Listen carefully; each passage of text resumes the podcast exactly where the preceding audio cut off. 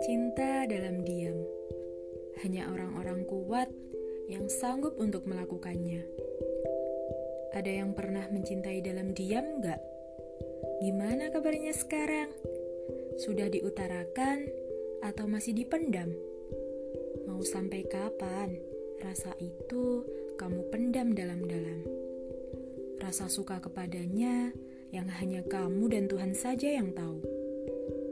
Diam-diam, kamu selalu mendoakannya dalam sujudmu. Dan diam-diam, kamu memandanginya dari kejauhan. Tanpa dia tahu bahwa kamu menyukainya. Yang terpenting saat itu adalah bisa melihatnya saja, kamu sudah merasa bahagia. Coba deh bayangin, kamu bisa memilikinya.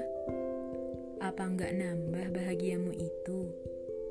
Apalagi kalau cinta dalam diammu itu adalah sahabat atau teman kamu sendiri.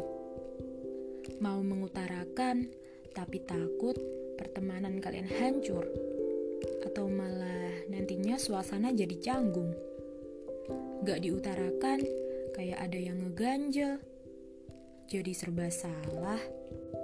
Sebenarnya ini sederhana, cuma gengsi dan rasa takut aja yang mempersulit.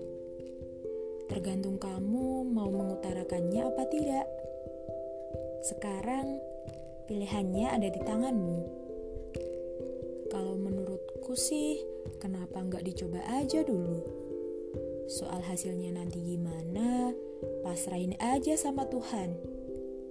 Kalau ternyata dia juga suka sama kamu, anggap saja itu bonus dari Tuhan. Kalau dia ternyata nggak suka, ya nggak apa-apa, nggak usah malu. Yang penting, kamu sudah berusaha dan mau melakukan hal yang baru dalam hidupmu. Toh, beban dalam hati dan pikiran kamu berkurang satu. Tapi, jika kamu tetap memilih ingin berjuang di posisi cinta dalam diam, ya nggak apa-apa juga. Itu hak kamu untuk memilih. Aku salut sama kamu yang bisa memendam perasaan itu di lubuk hati kamu dalam-dalam.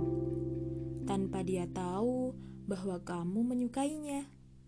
Dan bahkan dia dalam keadaan baik-baik saja pun itu sudah cukup membuat kamu bahagia.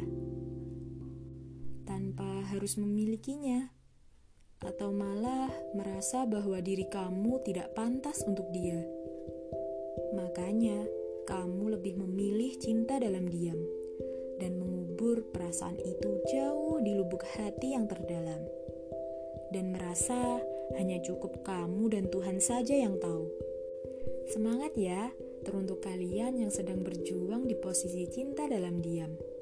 Aku salut sama kalian. Kalian hebat